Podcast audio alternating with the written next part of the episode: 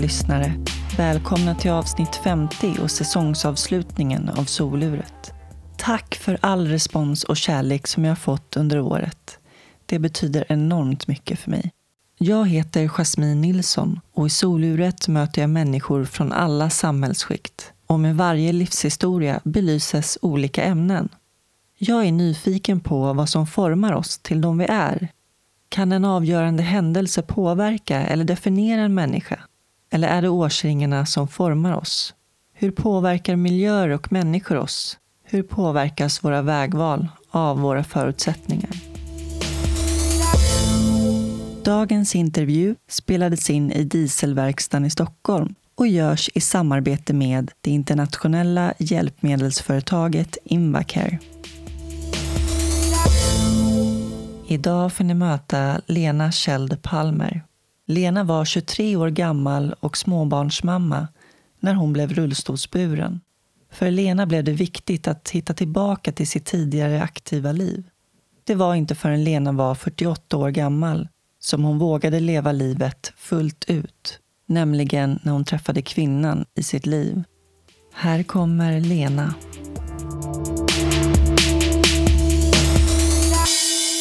Skönt. Sitter vi här. Nu sitter vi här. Så. En värmlänning.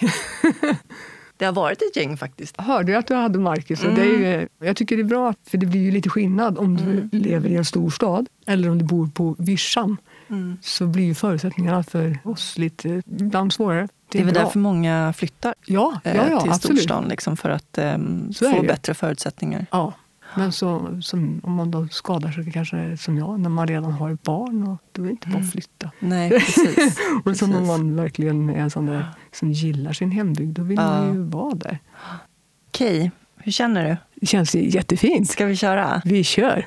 Välkommen till Soluret, Lena. Tack så jättemycket. Kul att vara här. Jättekul att äntligen ses och träffas. Och vi har ju följt varandra på Facebook och det känns som man känner varandra redan. Ja, jag har till och med följt dig ända sedan du skadade dig. Ja, det är ju otroligt. Alltså. Ja, det.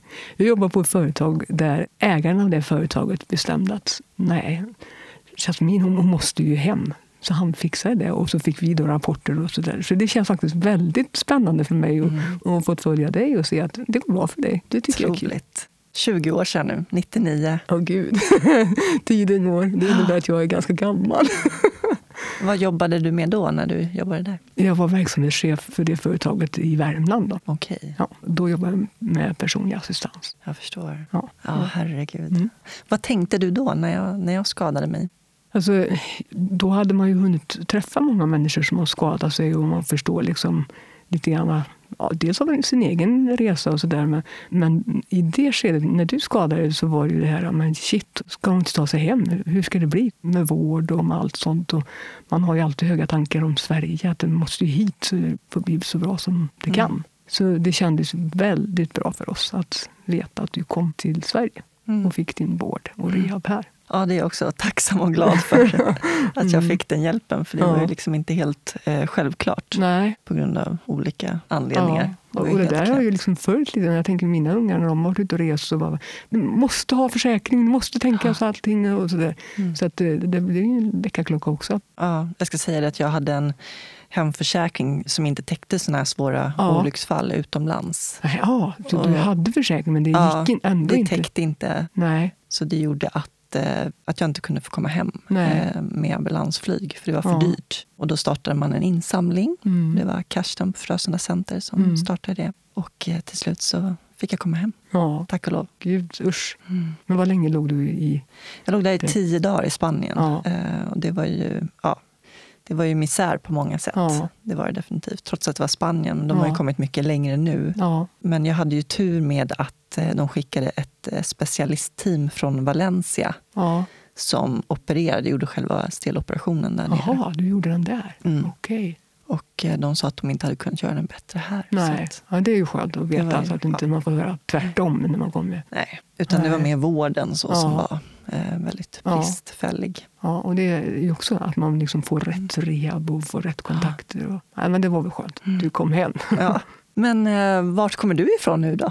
Jag är ju en från Ackvärmland, det sköna. Jag bor i ett litet samhälle som heter Kil, två mil norr om Karlstad. och mm. trivs och mår gott. Härligt.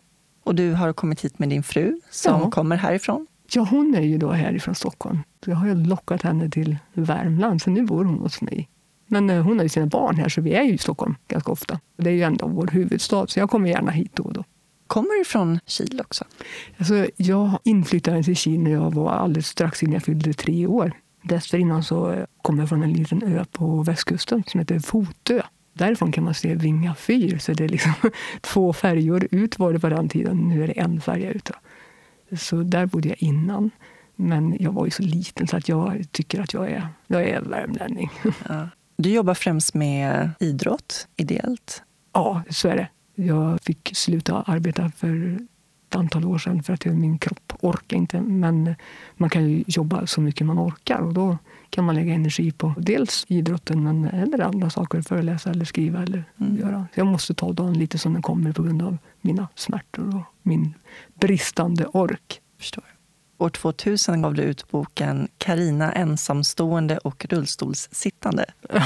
Krystat namn, det var det enda som inte jag fick bestämma. Ja, det var så här att jag hade då kommit till skede i mitt liv där, ja, det var tio år efter jag skadade mig och då först fick jag min riktiga liksom, kris. Eller vad man säger. Då ville jag liksom läsa om andra människor. Och jag hittade ingenting om någon aktiv kvinna. Jag kände, vad är det här? Och när jag blir så, då blir jag förbannad. Och när man blir arg, det är ju lite kreativt. Så då tänkte jag, då skriver jag då. Då skriver jag en bok. Och så gjorde jag det. Så tänkte jag, ja, nu ska jag ut den här. Jag har ingen tanke och ingen kunskap alls om hur det är att ge ut en bok. Så jag bara skrev och sen tittade jag på nätet hittade ett litet förlag, Lysekil, som går ut böcker för utbildningssyfte och ja, vad det nu var. Jag tänkte ja, men det här kan man ju bli lite utbildad på. För det, det jag skrev var en fiction, hälften jag, hälften påhittat. Så skickade jag det till dem. Så fick jag ett svar. Jag ger ut den 2000 då, i samband med bokmässan. Så det, de gav ut boken och jag fick sitta där nere i Göteborg på bokmässan och ja. signera böcker. ja. Det var kul. Det är ju mer som en roman, alltså en påhittad story. Men jag har ju plockat saker från mitt egna liv i den. Så det handlar ju lite grann om kärlek och lite om varje sådär lättsamt. Som en, mm. Eh, ja, så det är ju ingen svår bok och inget märkvärdigt alls. Mm. Men dock en historia om mm. en människa som har råkat illa ut, som ändå får ett bra liv. Man behöver få veta lite grann om andra människor också för att gå vidare i sin egen resa, känner jag. Oh, det är jätteviktigt. Alltså, det har jag pratat mycket om med mina gäster och så som har mm. råkat ut för liknande. Att just förebilder och, mm. som visar på att det går att leva ett bra liv ja. trots allt. Ja. Och ibland är man, alltså, ibland får man vara det själv också fast man inte ens vet om. Nej. Jag hade en, en blogg för länge sedan som jag bara gjorde för min egen skull. Bara för att jag tyckte att det var kul. Och så jag nämnde inte ens att jag hade ett funktionshinder. Men efter ett bra tag så gjorde jag det. Då. Och sen var det liksom om mitt liv och vad som sådär. Sen så tänkte jag, nu har jag gjort det här i ett och ett halvt år, nu orkar jag inte mer, så la jag ner det. Då är det någon som hör av sig, någon som har skadat sig. Som varför skriver du inte? Ja, det här har liksom, jag har följt det här hela tiden. Ifrån min, jag måste veta. Så du får gå in bli vän med mig på Facebook istället, så får du följa mig där. Ja. så man vet inte alltid ibland det liksom dyker upp sådana där grejer. Och det, man får tänka att man, mm. även om man inte tror det så betyder alla någonting för andra människor. Så Definitivt. Hur var din uppväxt? Jag är, är ju liksom välsignad med en fin uppväxt. Jag har fyra syskon, två äldre och två yngre. Mamma och pappa har varit närvarande och varit, ja, har haft jag säga, en fin uppväxt. Trygg, blivit sedd. jag har haft det där som som man vill ha, tror jag. Och som man behöver ha. Jag har inget att klaga på i min uppväxt. Utan jag, när jag ser tillbaka på den så tänker jag att oh, vad jag har haft bra. Mm. och det är skönt. Jag tror att det, det har jag haft med mig in i de svårigheter man har sen kommit. Att man har haft den här stora, trygga familjen. Mm. Vem var du som liten då? Alltså, som riktigt liten så då var jag tydligen väldigt, väldigt mammig och ville hellre sitta i mammas knä och titta på typ när de andra lekte. Men det ändrade sig sen. Då, så att sen var jag inte sån, utan jag har nog varit en mer påhittig och eh, ganska så kreativ person. Ibland kan det ju bli lite tokigheter. Då. Inte mindre när man var i tonåren och där. Då. Det var det kanske inte alltid så lätt att vara förälder till mig, men det gick ju bra. Vad var det för tokigheter? Ja, jag hade något behov av att hitta på grejer. Och kompisar som också var såna här, så vi trissade varann och göra det ena och det andra. Och Ja, men vågar du köra moppen genom skolan? Självklart. Och så gjorde jag det. Och sen så var det någon annan som skulle göra något annat. Och sen var det mycket partaj och sådana grejer. Och jag, så det, det, var väl en tid där det kanske var lite oroligt, men det gick ju bra. Jag mm. tror inte att jag var så mycket värre än vad andra var, men jag var ganska kreativ om man säger så. Ja. Orädd kanske? ja, väldigt ja. orädd. Vi är ju också olika där. Jag tror att jag har haft en, vilket har ändrat sig med tiden, men att jag har varit fått mina kickar av när det är lite halvläskigt så på gränsen. Så har jag känt att mm, det här är ju mysigt. Det är inte riktigt så längre. Jag känner att jo, i vissa lägen är det så, men inte i alla. Utan idag kan jag nog tycka att det är skönt också när det är lite, lite mindre kickar. lite lugn och ro. Ja, men alltså, man, jag tror att jag ändrar mig lite. Det, det är väl åldern. Mm. Klokheten. Ja, precis. Men eh, hur gick det i skolan då? Eh, ja, alltså när man säger de här praktiska ämnena där, där låg jag ju på topp. Idrott självklart. Du var väldigt aktiv? Ja, jag var aktiv. Så de grejerna hade jag väldigt lätt för tyckte det var jättekul med SO och alla sådana grejer med geografi och samhällskunskap och sånt.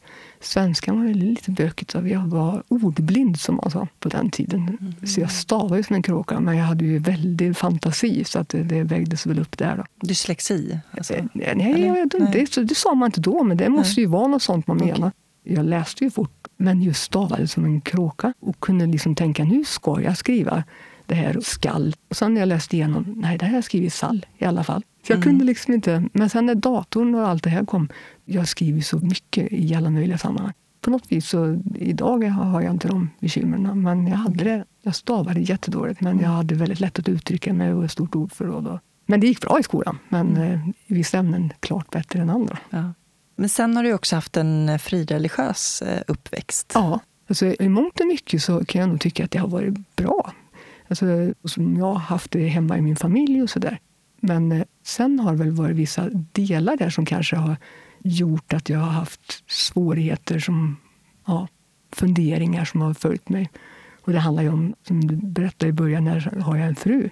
Och det klingade ju inte riktigt ihop med mycket av vad man hörde. Men egentligen så vet jag inte riktigt. För många har ju inga bekymmer även om man har en kristen tro, har ju inga bekymmer att se att vem som helst kan få älska varandra.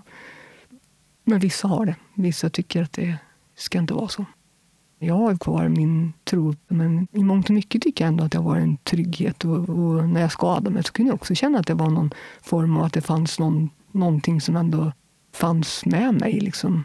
Så då tyckte jag nog att det har varit bra. Men ibland så kan jag tycka att vissa bitar kanske inte bra. Men eh, reflekterade du någonting kring det när du var liten? Kring din sexuella läggning och så? Nej, var det nej, nej, för jag hade absolut ingen som helst eh, tanke på att det kunde vara så. Tror du att det är på grund av Nej, jag vet tron? inte. Alltså, jag vet inte. Men jag vet ju också att jag var ju väldigt ombytlig. Träffade någon och sen så träffade jag någon annan. Och så, det var aldrig bra. Liksom. Det var, jag vet inte vad jag sökte riktigt tills jag träffade mina barns pappa. Och då var det någonting liksom som jag kände ändå... Ja, han var väldigt olik många andra jag träffat. Men kände på något vis att ja, men det här blir nog bra. Jag hade ingen tanke på då att, att jag kanske skulle ha en kvinna. Det fanns inte för mig. En av mina bästa kompisar berättade när vi var ja, 15-16. Då säger han till mig så här. Du, jag är gay, säger han. Och då blev jag jättearg på honom. Så, för jag hade ju försvarat honom, det hade jag ju hört. Alltså, det var ju ganska uppenbart att han var det. Men jag ville ju inte se det av någon anledning. Så jag har ju alltid försvarat honom. Om någon sa någonting och jag var i närheten så jag kastade in i ett skåp eller verbalt. Så säger han till mig att jag är gay.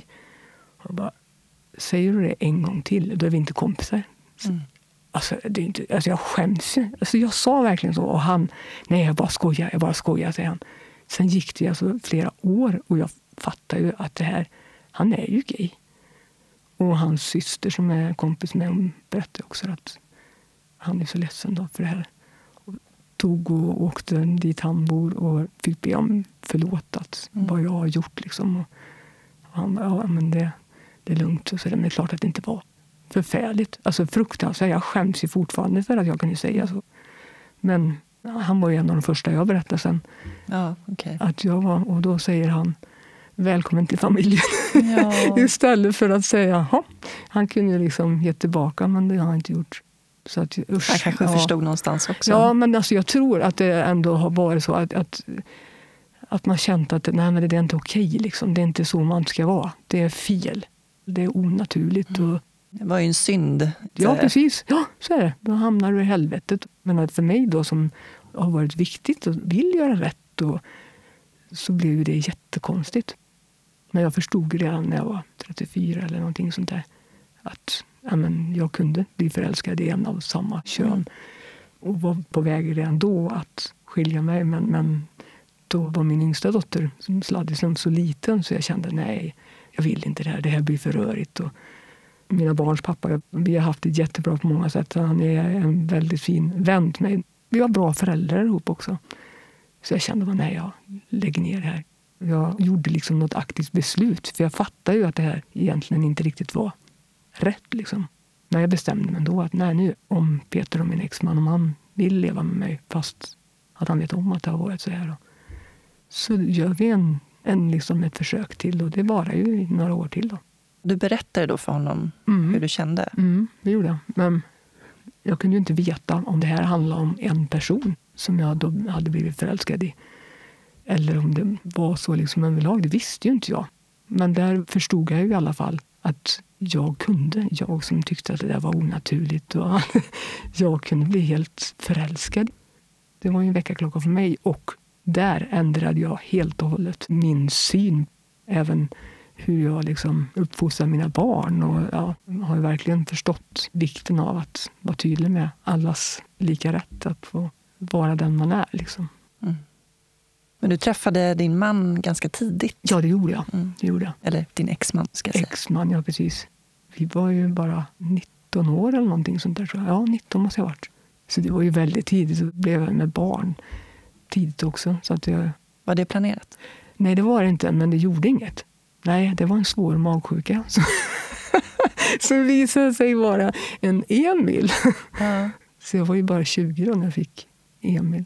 Sen när vi ändå liksom hade fått barn kände jag att jag ville ha barn tätt och att de skulle få glädje av varandra. Så ett och ett halvt år senare så kom barn nummer två. Så att jag fick ju de två första barnen då, tidigt. Vad hade du för drömmar som barn? Alltså en dröm det var ju faktiskt det med, med barn. Jag vet många pratar Ja, men ska vi resa? Vi ska göra det ena och det. Ja, men jag vill ju ha barn. Ja, men ska du inte leva livet? Så de, jo, men är inte det livet? då? Det tycker jag. så det, det var en, en väldigt stor dröm att få barn. När jag skulle börja gymnasiet så Mm. var det redan där så visste jag inte vad jag skulle läsa. Så pappa ja, du måste läsa teknisk och du ska bli försäljare. Och jag är lite tekniskt lagd. Då. Kan säkert bli en bra försäljare. Och, och mamma, hej, men du ska vara inom vården. Och sen stod den där och man tyckte olika. Vården, på den tiden så var det, så här, då var det ju 0 till 5 i betyg. Då skulle du ha liksom 5 och 0 för att komma in på vårdlinjen. Så det var ju ingen idé att tänka på en gång. Då. Så då gick jag ju på pappas linje, så då läste jag liksom tekniskt. Då. Men efter halva så kände jag att nej, det här är inte vad jag vill. Så då hoppade jag av. Så började jag jobba. Jag var truckförare. Jag, gjorde all, alltså jag har haft så många olika jobb som man provar olika grejer. Pizzabagare. Allt möjligt. Så jag jobbade inom hemtjänst och på, alltså alla möjliga olika saker. Och det är bra att testa olika grejer.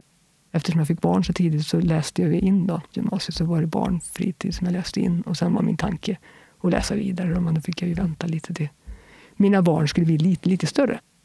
Och de var ju ett respektive två och ett halvt år Ja. eh, 1985. 85, då krockade jag. Och sen så fick jag ju min funktionsnedsättning när jag opererade nacken och det var 89. Okej. Så det är ju två olika tillfällen. Var det första där det var en frontalkrock? Ja, jag var ute och körde på en liten grusväg. Hade med mig tre killar i bilen som tyckte det var kul att jag, jag gillar ju att köra fort. Då. Och det gjorde jag. Körde ju som en liten galning. Det sprutade grus i dikena där. Så bara fick jag någon sån här känsla att nu måste du sakta ner. Och vi närmar oss också den privata vägens slut. Så att det var väl också en anledning. Precis när jag säger nu får vi sluta det här och sakta ner. Och då kommer det en bil helt på min sida av vägen. Det var en väldigt smal väg så att det hade typ inte gått att mötas. Med mindre än att båda skulle ha legat halvvägs i diket, för det var en så liten väg. Och på min sida så är det en liten stenhäll också. Så det var bara att bromsa. Och bilen kommer då rätt, i, rätt emot mig där jag sitter. Så det blev en rejäl smäll. Jag hade inget bälte på. Det var ju lite dumt om jag hade hållit på och grejat med min bil och svetsat och haft mig. och inte satt dit tillbaka bältena. Och så var det heller ingen nackstöd på bilen, vilket var typ ännu Oj. värre. Så att jag for ju rutan fram och sen även sidorutan smällde sönder så jag for ju som en vant och ratten knäcktes. Så, så det vart en rejäl smäll där. Och eh, fick ju skador såklart. Blödningar och det ena med det andra, hjärnskakning. Och sen upptäckte de någonting med nacken. Jag tänkte jaha, vad har hänt nu? Och sen säger man nej, men det är någon missbildning. Och det visar att jag vet inte exakt det här, men, men vad jag förstod från början så sitter det inte ihop längst upp i nacken. Och sen så växer det samman. På mig så satt det inte ihop. Så mellan min första och andra nackkota så var det liksom, de satt inte ihop. Och så är jag med om den här kraftiga smällen. Efter olyckan så hade jag ju väldigt, väldigt huvudvärk och smärtor överallt. Och jag hade jättehögt eh, hög vilopuls och jag som alltid har idrottat, det var inget som stämde. Liksom. Och så fick jag två barn också i den här vevan och har så fruktansvärt ont. Men vet, smärta som så där sakta ökas och ökas och ökas. Det blir liksom på något vis att man vänjer sig vid. Men till slut så blev det så illa att jag kände bara att det här går inte. De visste ju inte vad det var fel heller. Och då säger jag till en sjukgymnast att du, för jag hade fått en skada på axeln också när jag krockade. Så ber jag den här sjukgymnasten att göra en knix eller massera eller göra något i nacken. Men är det något speciellt med nacken? Nej, nej, nej, så det är bara en liten missbildning. Ja, vet du, jag gör inte det, så då. Men jag fixar så att du får bli tittad på igen då. Så fick jag ganska på en gång komma iväg till eh, en ortoped då, som jag träffade. Och efter jag träffat henne så kom jag på röntgen. Och sen sent på kvällen så sitter jag hemma. Min mamma var hemma hos mig. Så ringer den här läkaren sent på kvällen och säger att det blir operation. Vi måste göra det här. Det blir liksom akut här nu. Jag bara, Va? Kan man operera i nacken? Jag fattar inte. Jag hade en över en och en halv centimeter mellan min första och andra nackkota. Det låg helt öppet. Jag fattade som tur var inte då vad farligt All, det var. Hur allvarligt? Nej, nej, nej. Och då blev det operation och vid den operationen så tillstötte komplikationer. Och det var ju då när barnen var ett och två och ett halvt år gamla. Det hade räckt att jag bara fått en liten knix så hade jag ju ja, dött direkt. Ja, jag menar... Alltså, över diafragman. Ja. Så det är ju liksom, Första kotan är ju liksom kopplad till hjärnbalken. Ja, ja och det är att, där jag sen fick min mm. påverkan. Alltså man har ju vänner som har skadat eh, C2, mm. alltså näst högst upp. Och då är man ja. ju helt förlamad ja, ja. plus beroende av respirator. Respirator, ja precis. Och då kan jag tänka mig, shit vilken tur jag haft. Mm. Kan du beskriva din funktionsnedsättning? Från början så hade jag ju en fruktansvärd huvudvärk. Det går nästan inte att beskriva vilken huvudvärk jag hade. Jag hade rotatorisk yrsel, jag hade dubbelseende och jätteljuskänslig. Och därtill högersidan som inte funkade. Det som var det besvärligast först, det var inte högersidan utan det var ju de här andra grejerna. För det var det som mest... Alltså, man har sån yrsel och bara kräks och huvudet... Ja, det var förfärligt. För det. Men tack och lov så har det mycket gått tillbaka. Men sen det som inte har gått tillbaka det, det är att min högersida inte funkar som den ska. Och jag är sämre i benet än i armen. Jag har ju fortfarande mycket nervsmärtor och annan smärta också. Och sen att jag blir väldigt, väldigt trött. Det är svårt att förklara hur trött jag blir. Jag orkar inget när det slår till. När förstod du att skadan var bestående? de visste ju inte till att börja med hur det här skulle gå eller någonting. Och eftersom jag inte heller fick veta så då tänkte jag att ja, men jag varit med om jobbiga grejer. Det här är jobbigt men jag kommer ta mig igenom det här. Och sen, ungefär som magsjuka, det är jättejobbigt men sen blir det bra. Så jag tänkte så hela tiden. Ända tills jag till slut fattade att det inte det blir kanske inte det. Men det tog väldigt lång tid. För jag tänkte hela tiden att ja, ja men det, det ska bli bra. Sen höll jag ju på och verkligen utmanade mig själv också. Det var väl också för att jag ville träna och jag skulle minsann bli så bra. Så då, då blev det att jag slog mig så många gånger. Jag ramlade och jag slog mig. Och till slut så var det någon läkare som tog in mig och sa att du Lena, om inte du kan acceptera det här så får du i alla fall respektera att du kommer sitta i rullstol i hela ditt liv. Och det var långt efter jag skadade mig, i alla fall över ett år. Först var det hemskt, men samtidigt så var det lite skönt. För att jag hade hela tiden jag fått det där klapparna på ryggen att kom igen, kämpa, ska du se att det blir bra. Och då tänker man hela tiden så här, ja, det här handlar om hur mycket jag kämpar. Precis. Så jag tänkte att jag, jag måste bli bra, för att annars är jag ingen kämpe. Då är jag inte bra. Men nu fick jag äntligen förstå att det spelar ingen roll hur mycket du tränar, för du kommer ändå sitta i rullstol. Jag kunde lägga om mitt fokus där. Jag kunde börja tänka, okej, okay, jag kan bli jättebra på att köra rullstol. Jag ändrar liksom fokus. Så det där vart liksom, samtidigt som det var en smäll, så var det det jag behövde. Det att veta liksom att okej, okay, det här beror inte på mig. Man säger ju sådär, inte av att man egentligen tänker att man ska ge någon annan ett ok. Utan man, det är någon sån här artighetsfras mm.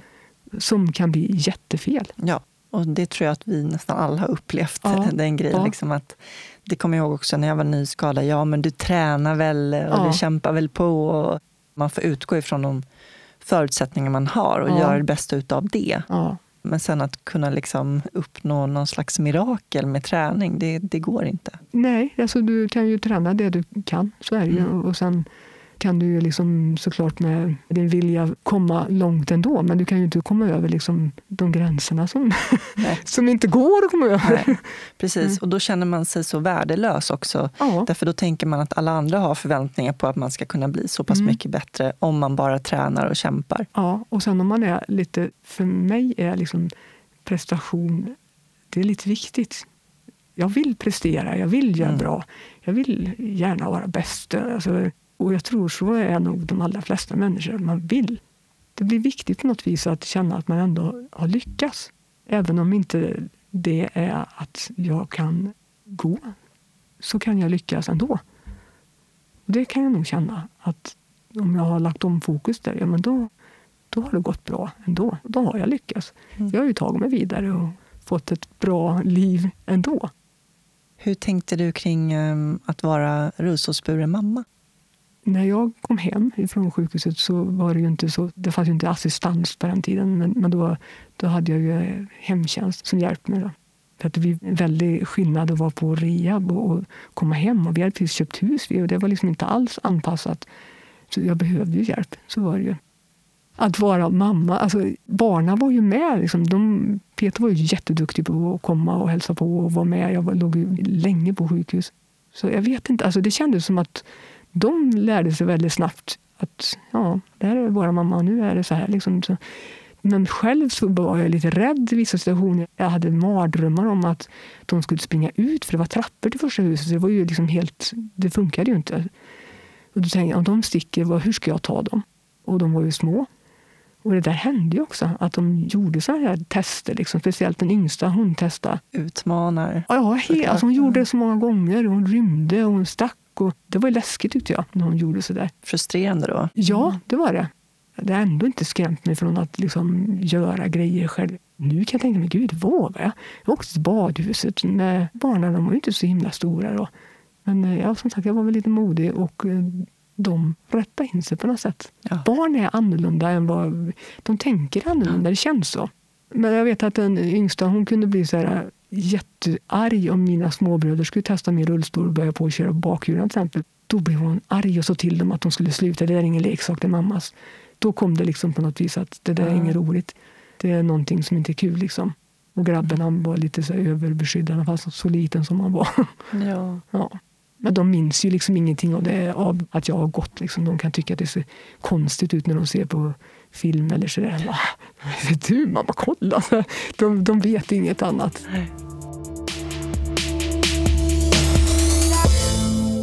Nu sitter jag här med min samarbetspartner Invacare och framför mig har jag Jocke. Tjena! Tjena Jocke, Hej. hur är läget? Jo, det är väldigt bra.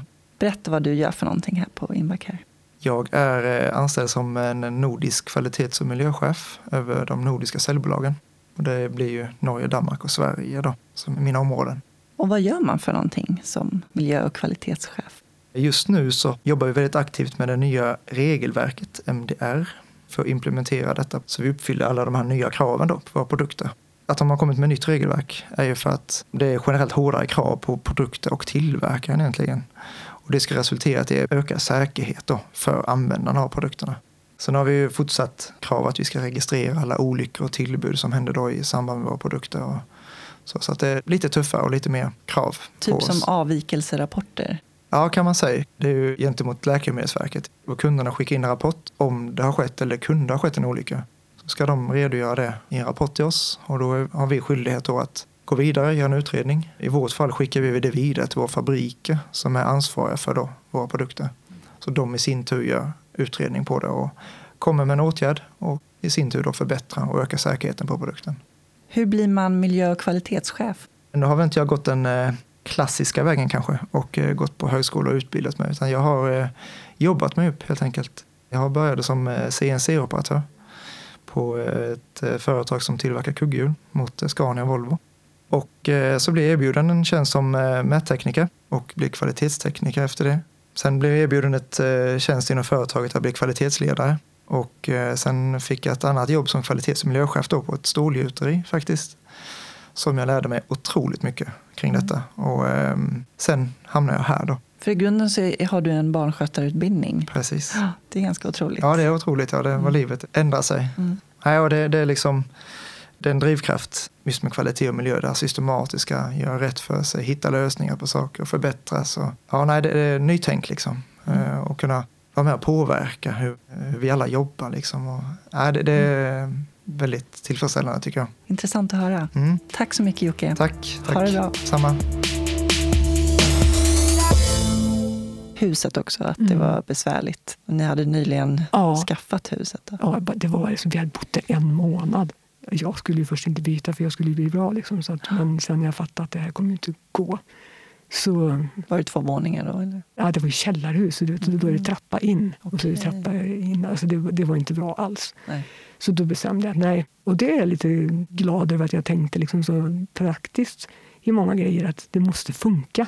Jag ska ha ett hus som det är enkelt. Jag ska ta mig in i garaget och komma direkt in i huset. Och, ja, samma med bil, att det ska vara kombi, det ska, vara, det ska funka. Tänka praktiskt och det kanske blir lättare när man har barn att man tänker så också. Mm. Sen så då utgick jag ifrån, då blev det lite enklare när man vet förutsättningarna och tänka vad ska jag ha för hus. Liksom. Så att jag bor fortfarande i det huset. Ja, är det ja, sant? ja, det gör jag. Ja, Jag trivs bra där. Ja. Jag ska också ta lite vatten. Fulingar.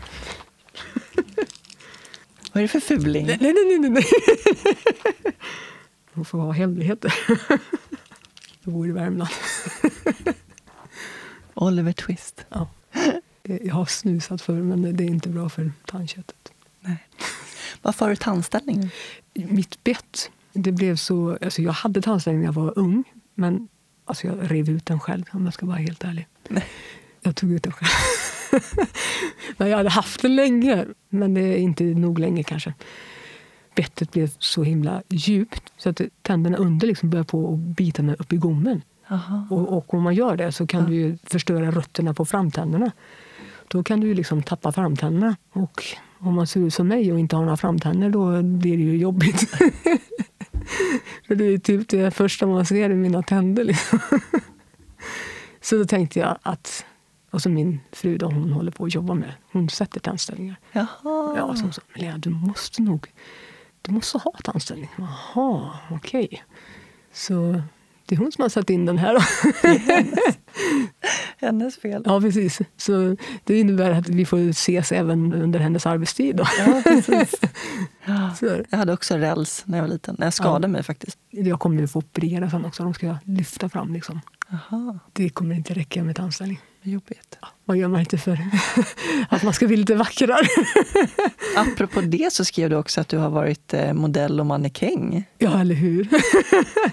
ja, eh, det här är ju liksom i min ungdom. Ungdomsår. Ja, ja, ja. ja, men jag tyckte ju sånt där var lite kul. Jag tyckte Ja. det var kul att testa. Men sen så kände jag nog inte att det var någonting för mig. Då. När jag gjorde det här eh, modelljobbet. Då. Jag skulle göra reklam för Sveriges första tempererade vattenrutschbana. Jaha. Det var bara det att ja, den var inte tempererad just då. Det skulle bli sen. Så det var iskallt. Fy fan. Ja, och jag hade aldrig åkt vattenrutschbana och så skulle jag åka baklänges för det blir snyggare kort då. Nej. Så fotografen står där knäpper och jag egentligen... Fast samtidigt, jag gillar ju kicka men det var ju lite, det var ju så himla kallt och sen lite läskigt. Och, och så stod det fullt till folk runt om där. Men jag tyckte, ja, det var ju lite kul men inte att jag kände att det här ska jag fortsätta med. Det var ingen karriär att Nej, satsa på. men alltså, de hörde av sig och ville att jag skulle fortsätta gå mannekäng och lite såna grejer. Men nej, jag valde inte det. jag fick prova i alla fall. Rolig grej att prova. Ja, men jag tyckte det var kul att testa. Ja. Det väl roligt. Man kan ju inte veta vad det är om man inte har testat. Nej, precis. Men så du kommer hem, Mm. tvungen att flytta. Ja, börja plugga jag också. Vad började du plugga för någonting? Då? Alltså jag, min tanke hade varit innan idrottslärare och då kände jag nej, men det blir, det blir jobbigt. Jag vill inte liksom flytta, utan det får vara så att jag kan åka. Och då blev det folkhögskola.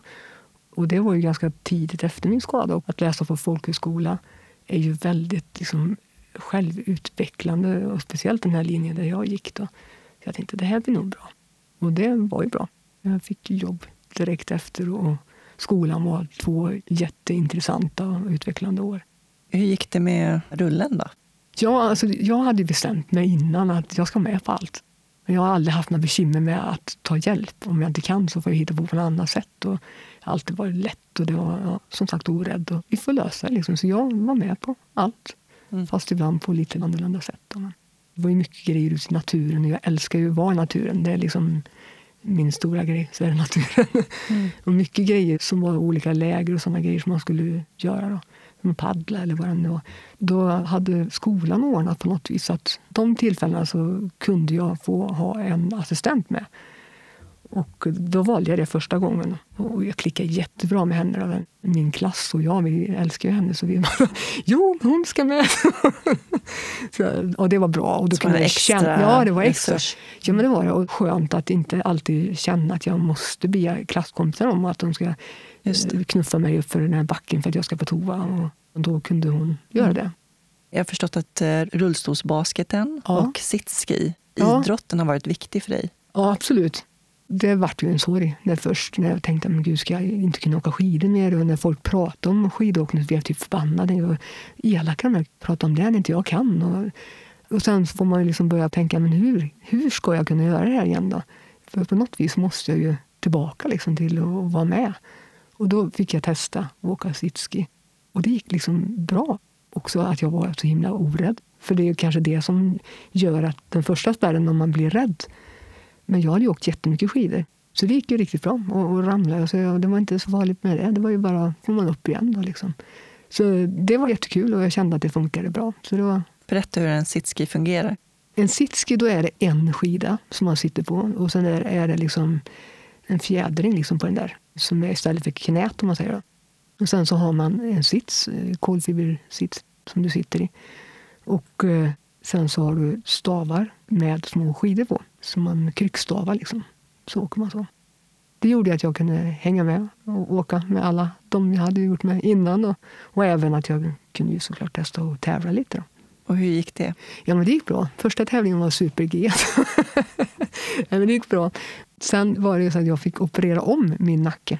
Så det gjorde att den här idrottsliga karriären som jag påbörjade, ja, det gick väldigt fort framåt. Men sen så fick jag göra en ny operation i nacken och då blev jag ju helt stel. Jag kan ju inte vrida någonting.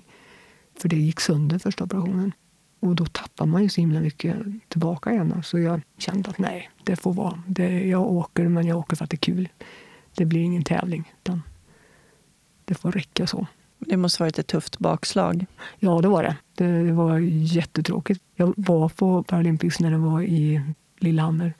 Satt där med hård krage och tittade när de andra åkte i backen och vet att jag skulle kunna gjort det där.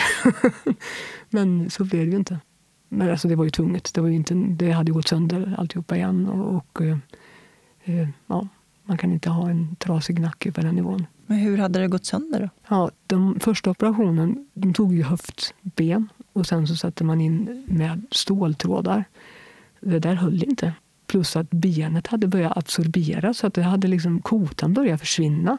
Oh. Ja, så det, det var ju skitläskigt. Och Varför gör det det? Jag, ja, jag vet inte. Men då hamnade jag på Akademiska första gången jag opererade mig i Örebro. Det kändes ju väldigt läskigt med tanke på vad som hade hänt innan. Oj, ursäkta. Det var din. Det är min medicin.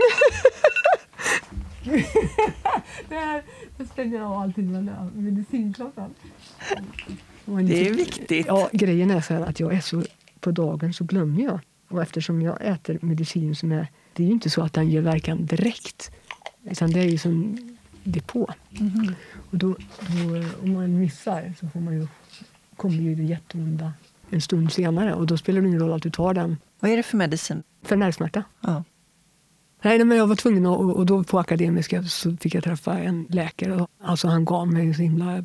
Jag fick ett förtroende för honom. För det, jag var jätterädd. Alltså jag vet, jag skrev liksom papper och la in i fall att det inte skulle gå vägen till familjen. Och, alltså det var hemskt jag tänker på. Och då hade jag liksom... Jag var tvungen att göra det där igen. Och då sätter man in skruvar, så nu sitter nacken fast ordentligt med en skruv på varje sida. Och sen nytt höftben från, från andra höften. Mm. Så nu sitter det och det har suttit och sen dess. Och så. Men gud vad dramatiskt. Jag tänker att du skrev innan. Liksom. Ja, ja, jag gjorde. Ja, det alltså, det Testamente tänker- och grejer. Och, sa de det, att det var en stor risk då med, med Nej, operationen? kunde, nej alltså, de kunde inte... Det de kunde säga var att du måste göra det här. Han kunde ge mig den tryggheten, men han kunde ju inte säga såklart att allt skulle gå bra. Men eh, jag hade inget val. Och det hade jag ju inte första gången heller. Nej. Tack och lov. Den operationen gick ju bra, men för varje gång man har varit inne i nacken så har, jag har ju smärtorna blivit värre. Mm. Det är ju först själva krocken, sen första operationen, sen andra operationen. Så nervsmärtorna är, de är inte att leka med. Nej, det Nej. är inte det. Men så är det. Ja, jag är tack och lov förskonad från svåra nervsmärtor. Men alltså, man har ju det man har och så får man på något vis Mm. göra det bästa. Jag har en pulsgenerator inkopplad. Det hjälper mig lite grann. Det är en, dosa som sitter i magen som jag kan styra med en fjärrkontroll på utsidan. Och sen så går det kablar upp till nacken. Och där ligger det liksom elektroder under huden. Eftersom det är så trasigt i min så går det inte att sätta centralt. Nej. Om man hade kunnat det så hade jag uppnått förmodligen bättre resultat. Men nu, nu ligger det så. Och, det, och jag har det där på. Det kan man ha på olika sätt. Men jag har det på hela tiden och har inte så kraftiga impulser. För det är som elektriska impulser som ligger då och blockerar lite. Och då har jag valt att ha det på hela tiden lite grann. Och det, för ibland så tar ju batteriet slut. Då måste jag in och operera. Då ska man in i magen och så in med nytt batteri. Då. Och då märker jag ju, för då blir det ju ännu värre liksom, med smärtorna.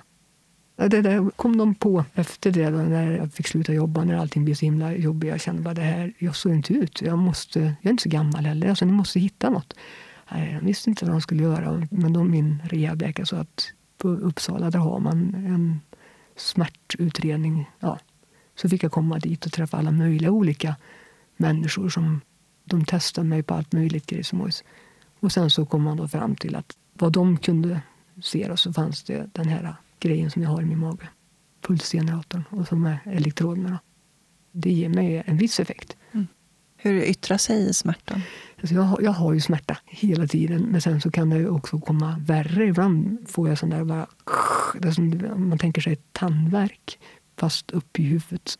Och sen så får jag som... Det isar i huvudet och det ilar och ja, det är lite olika. Det håller på i mitt huvud, ända längst upp i toppen på huvudet. Mm. Och det är ju också lite så här, det är svårt för mig att hitta liksom sätt att kunna vila på eftersom det är hela bakhuvudet. Jag tänkte hoppa till när du var 34 år så berättade du att du, du blev kär i en Ja. kvinna. Och då var du gift och Ja. hade barn och en sladdis. Ja, visst vet du, hon var ju liten. Ja. Det här var på jobbet. Jag var på en eh, konferens. Och så är det någon som jag aldrig har sett förut som sitter snett mitt emot mig och känner typ hjärtklappning. Tänkte, vad är det här? Nej, men gud vad konstigt. Och så tittar vi på varandra och jag men nej, nej, kära någon, vad är det här? Men då var jag ändå så himla modig att jag liksom direkt efter fram och presenterar och ja, vem är du då? Och börjar på att snacka och sen så föll det sig så att hon jobbade på ett ställe där vi hade inom företaget då, en verksamhet som gärna vi andra som då var chefer runt om i landet skulle åka och titta på. Ja, jag kan åka direkt jag, så så, så jag såg till att hamna där och, och lära känna henne och ta reda på hur hon kände och att jag vågade. Alltså jag fattar inte, jag vågar det här. Och sen så hamnade vi bägge två i ett annat ansvarsområde i företaget. Så vi fick jobba tillsammans lite fast vi bodde då på så olika håll. Och ja, vi hade ett förhållande där. Men hur gick det då med, med gränserna, tänker jag? Jag skulle ju skilja mig. Och, men ja, jag visste inte riktigt vad jag skulle... Alltså det var ju lite läskigt och sen vi bodde väldigt långt ifrån varandra. allting var ju väldigt rörigt men det var, alltså det var inte tid och det var, jag var inte redo för det där. Men det var bra för mig att förstå att jag kunde känna så här. Och att, eh, ja, på något vis att det var okej. Okay. Även om jag inte var redo just då. Sen gick ju åren och till slut så förstod jag att nej, nu Lena är det dags för dig att vara huvudperson i ditt eget liv. Nu kan du inte liksom hålla på längre, det, det fattas någonting. Och det var ju läskigt. Det var, alltså, det var jätteläskigt. Jag hade bra koll på många grejer, men jag tänkte, ekonomiskt, hur skulle jag fixa? Men det här, nej, nu måste jag göra det här. För nu börjar jag på att bli gammal. Jag, liksom, jag, när ska jag leva mitt liv liksom fullt ut? Så då bestämde jag mig. Och hur var det att bryta upp? Läskigt. Alltså det var ju jätteläskigt. Som jag sa, jag, jag har ju en, en frikyrklig bakgrund och jag tänkte liksom... Ja, jag fattar inte varför jag tänkte så, men jag tänkte att de kanske trillar upp och dör. Alltså, ja, mamma och pappa. Jag tänkte, hur ska de klara det här och få veta att Lena är gay? Men eh, samtidigt, alltså, jag tänker nu, varför tänkte jag så? De har ju alltid varit alla människors lika värde och eh, inte bara i ord utan också i handling. Ändå så, mm, ja, jag blev jätterädd. Jag skrev ett brev berätta liksom. Och, och, så, inte det att jag bara skickade brevet, utan jag satt ju bredvid. De fick läsa och alla fick samma. Ingen sa ju, ingen sa ju någonting negativt, negativt utan de har stöttat mig hela vägen. Så det, ja, nej, jag, jag, vet inte varför jag hade så svårt. Men eh, ja, det var mina egna tankar som kanske var svårast. Vad sa de då? Eh, De sa, mamma kommer ihåg att hon var ju ledsen över att jag inte hade sagt någonting utan att jag hade valt att ha det för mig själv. Men jag var inte redo. Liksom. Det var ju därför.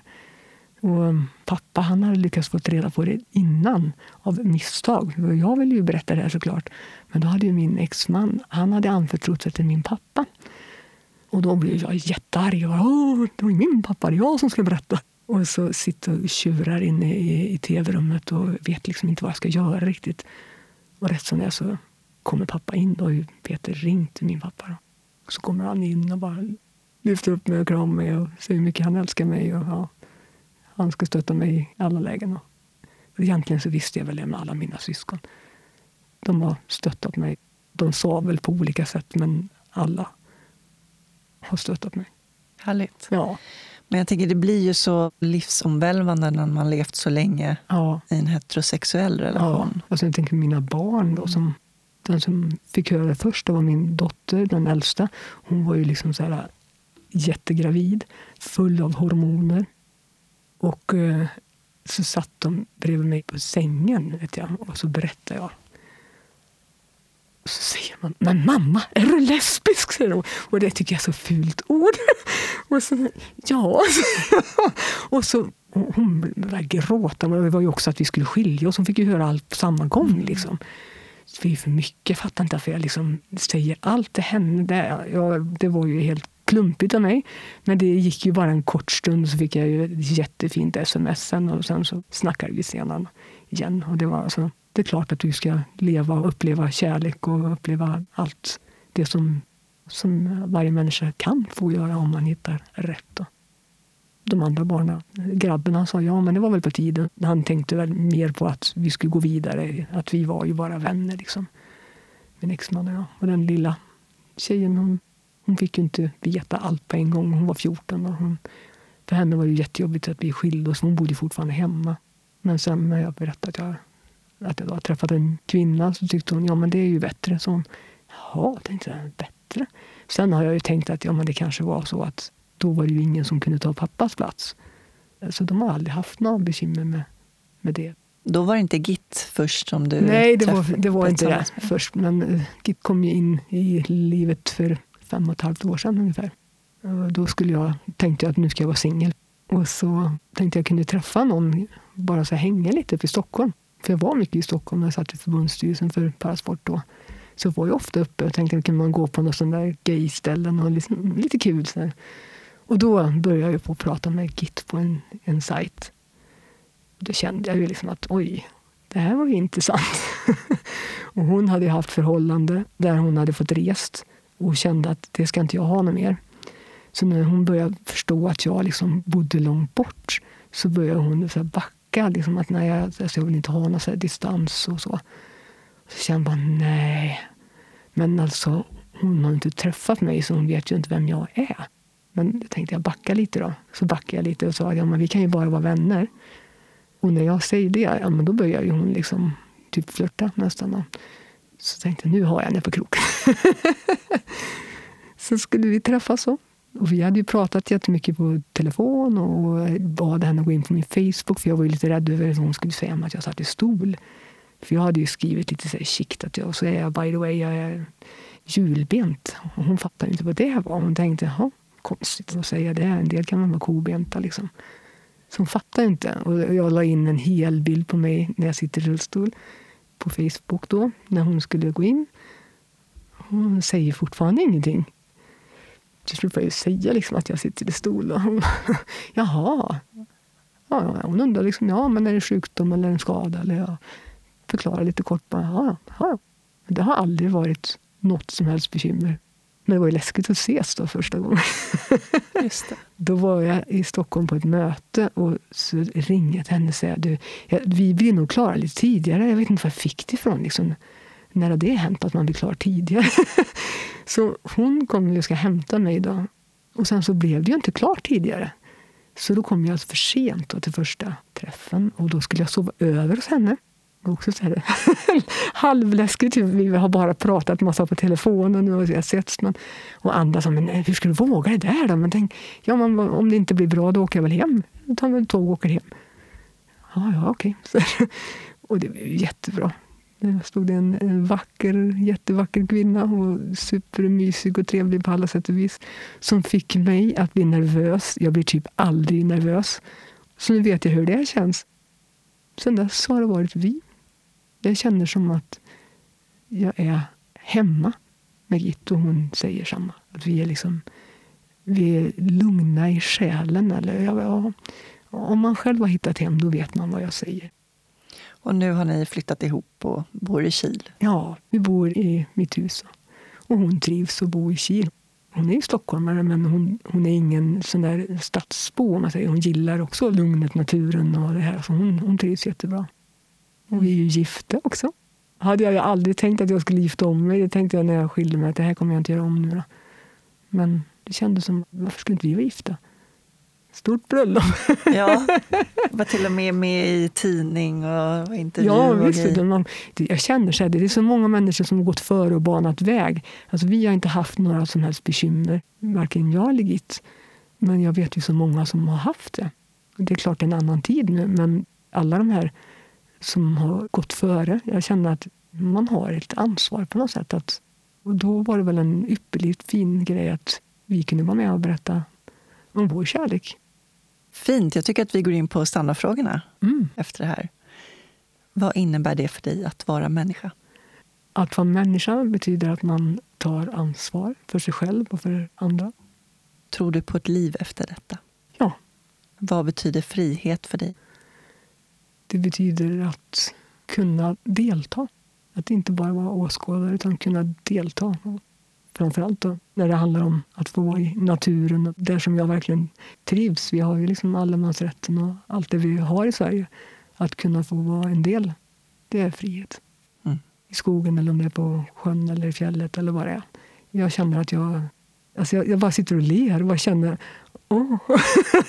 jag njuter av det. Ja, det är, jag samlar energi och mår bra. Mm. När grät du senast? Och jag är så blödig. Jag, jag gråter ofta när jag ser på saker som berör mig som på tv eller på film eller i böcker. Alltså, jag har jättelätt för att gråta. Vad gör dig arg? Orättvisor, det är jag typ allergisk mot. Det kan vara både små och stora. Man får ju uppleva det. Som för oss liksom, så blir det då och då orättvisor. Bara en sån sak när man kommer in på toaletten. Vid ett tillfälle så var jag på konferens. Jag brukar alltid gå på handikapptoaletten eftersom den är störst. Den var upptagen. Och jag har en liten stol. Jag kunde komma in på damtoan så jag fick ju ta den. Då. Och se att det där är en mensskydd på väggen. Liksom. Ja, men det är bra att man har. Och sen nästa gång som var jag tillbaka, då var jag på handikapptoan. Där fanns det plåster. så där, jag måste kolla vad det finns på herrarnas och då var det kondomer. Kände jag bara, okej, vi ska plåstras om. Men sådana små saker gör att jag blir arg. Men då ser man inte mig som en kvinna, mm. utan då är man könslös. Mm. Vad gör dig lycklig? Min eh, fru, mina barn, och, alltså hela familjen och mina vänner. Men också att kunna vara en deltagare av livet. Inte bara en åskådare. Det gör mig lycklig. Och det är något som gör mig extremt lycklig. Det är när man får betyda något för någon annan. Och få se att det arbete man lägger ner eller det man gör faktiskt gör nytta för någon annan. Så blir man glad. Jag har träffat några kamrater som har skadat sig efter mig och som har liksom kunnat komma till mig och säga sen, du Lena, jag hade ett liv innan jag skadade mig och sen så fick jag ett nytt liv efter jag skadade mig. Så fick jag ett nytt liv igen efter jag hade lärt känna dig. Oh. och det känner jag, och det har jag fått höra några gånger och det gör mig jätteglad. Då känner jag att och de här personerna är också liksom, tar för sig och de är deltagare av livet idag.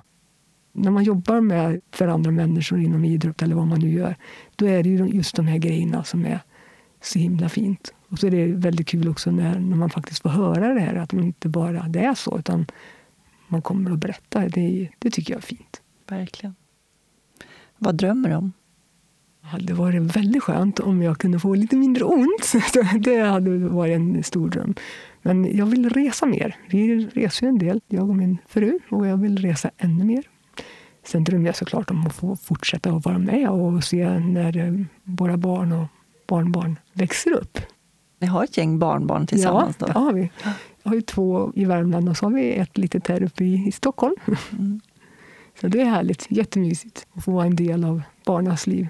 Man får ju höra ett och annat. I förrgår så hade vi, som är i mitten nu då, hemma hos oss, och så säger hon ni kan inte ta mig, så kryper hon under bordet och säger oh, nu kommer vi snart att ta dig. Det kan inte era gamla rostiga tanter. rostiga tanter. Gamla rostiga tanter. Och så skrattar hon allt från Hur gammal är hon? Hon blir fem i början på nästa Gud vad roligt. Rostiga tanter! Jag vet inte. Alltså, de är ju för knäppa. Och sen han den äldsta, för något år sedan, han frågade för de skulle få ta med sig och visa någonting på förskolan. Kan jag ta med min mormor? Så jag fick komma dit så han visade, istället de andra visade upp saker, han visade upp sin mormor. Vad fint. Ja, så frågade hur tänkte du då Alvin? Jag tänkte att du kunde sitta, så skulle jag stå bredvid dig och kanske du vill köra min stol lite och visa. Ja, barnen var mer intresserade av min tandställning. Men ändå. Ja, det var fint. Ja. Då kör vi eh, antingen eller-frågorna också. Ja, ja. Kaffe eller te? Kaffe. Bok eller film? Oj, den är svår. Jag lyssnar på jättemycket böcker och jag ser en del på film också. Men får jag bara välja en så blir det väl bok. Kött eller grönsaker? Också svårt. Men om man ska tänka vilket jag inte vill, absolut inte vill vara utan så är det nog grönsaker. Men torskrygg, det, mm, det är gott. Planering eller spontanitet? Ja, det är också svårt. För att jag älskar spontanitet, men jag måste också ha lite planerat. Annars blir jag stressad över att jag inte har det. Så att en mix. Se eller höra? Den här är väldigt svår. men jag säger nog se. Ljus eller mörker? Ljus. Lätt. Fort eller långsamt? Fort. Lyssna eller prata? Jag tycker om dialog. När man får prata och när man får lyssna. Men jag har absolut inget emot att prata. Tack så jättemycket Lena för att du delade med dig av din livshistoria. Tack så jättemycket själv. Lena finns på sociala medier och där kan du även komma i kontakt med henne om du till exempel är intresserad av att komma igång med rullstolsdans eller är nyfiken på någon form av parasport. Och jag avslutar med Lenas budskap om att vara huvudpersonen i sitt egna liv, en deltagare och inte en åskådare. Tack så mycket för denna säsong och vi hörs i vår igen. Följ soluret på sociala medier så blir ni informerade om när nästa säsong startar. Och passa på att lyssna i kapp alla avsnitten som ligger ute. Poddserien Lika olika som görs i samarbete med IKEA Museum kommer släppa två ytterligare avsnitt. Så stay tuned! ett innerligt tack till min huvudsamarbetspartner Invacare. Utan er inget solur. Gott nytt år kära lyssnare och vi hörs snart igen. Ta hand om varandra där ute. Puss och kram. Hej då.